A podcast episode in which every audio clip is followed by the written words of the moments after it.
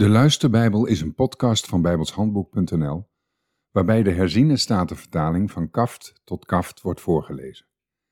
Dit is Exodus 29. Dit nu is wat u met hen moet doen om hen te heiligen om mij als priester te dienen. Neem één jonge stier, het jong van een rund, en twee rammen zonder enig gebrek. Ongezuurd brood, ongezuurde koeken gemengd met olie en ongezuurde platte koeken met olie bestreken. U moet ze maken van meelbloem. U moet ze dan in één mand leggen en ze in de mand naar het heiligdom brengen, evenals de jonge stier en de twee rammen. Dan moet u Aaron en zijn zonen naar voren laten komen, naar de ingang van de tent van de ontmoeting, en hen met water wassen. Vervolgens moet u de kleding nemen en Aaron het onderkleed, het bovenkleed van de efot, de efot en de borsttas aantrekken en hem de kunstige band van de efot ombinden. Dan moet u de tulband op zijn hoofd zetten en de heilige diadeem aan de tulband vastmaken. Dan moet u de zalfolie nemen en die op het hoofd gieten. Zo moet u hem zalven. Vervolgens moet u zijn zonen naderbij laten komen en hen de onderkleren laten aantrekken. Dan moet u de gordel ombinden, Aaron en zijn zonen, en hun de hoofddoeken omwikkelen, opdat zij het priesterambt bezitten als een eeuwige verordening. Zo moet u Aaron en zijn zonen tot priester wijden. Vervolgens moet u de jonge stier naderbij laten komen, voor de tent van de ontmoeting. En Aaron en zijn zonen moeten hun handen op de kop van de jonge stier leggen. Dan moet u de jonge stier voor het aangezicht van de Heere slachten, bij de ingang van de tent van de ontmoeting. Vervolgens moet u een deel van het bloed van de jonge stier nemen en dat met uw vingers op de hoorns van het altaar strijken. Al het overige bloed moet u dan aan de voet van het altaar uitgieten. Dan moet u al het vet dat de ingewanden bedekt het net over de lever en de beide nieren met het vet dat daaraan vastzit, nemen en het op het altaar in rook laten opgaan. Maar het vlees van de jonge stier, zijn huid en zijn mest, moet u buiten het kamp met vuur verbranden. Het is een zondoffer. Vervolgens moet u de ene ram nemen en Aaron met zijn zonen moet hun handen op de kop van de ram leggen.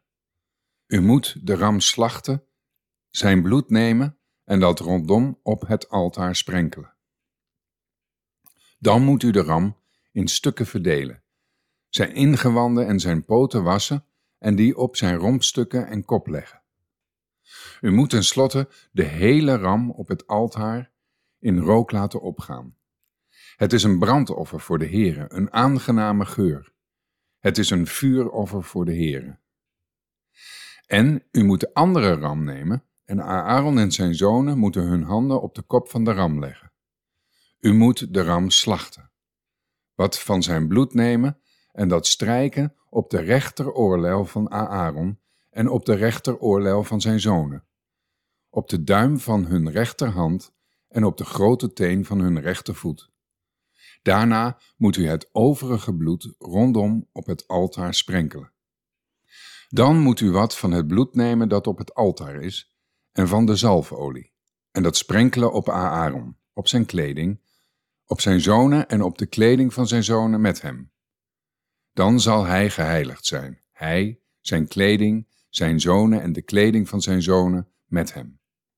Vervolgens moet u het vet van de ram en de staart, het vet dat de ingewanden bedekt, het net over de lever, de beide nieren met het vet dat eraan zit, en de rechter achterbout nemen, want het is een ram ter inwijding.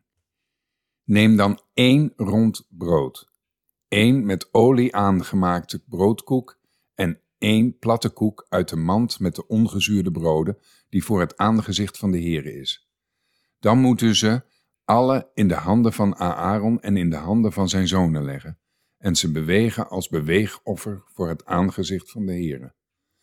Vervolgens moet u ze uit hun hand nemen en ze op het altaar in rook laten opgaan, boven op het brandoffer, als een aangename geur voor het aangezicht van de Heere.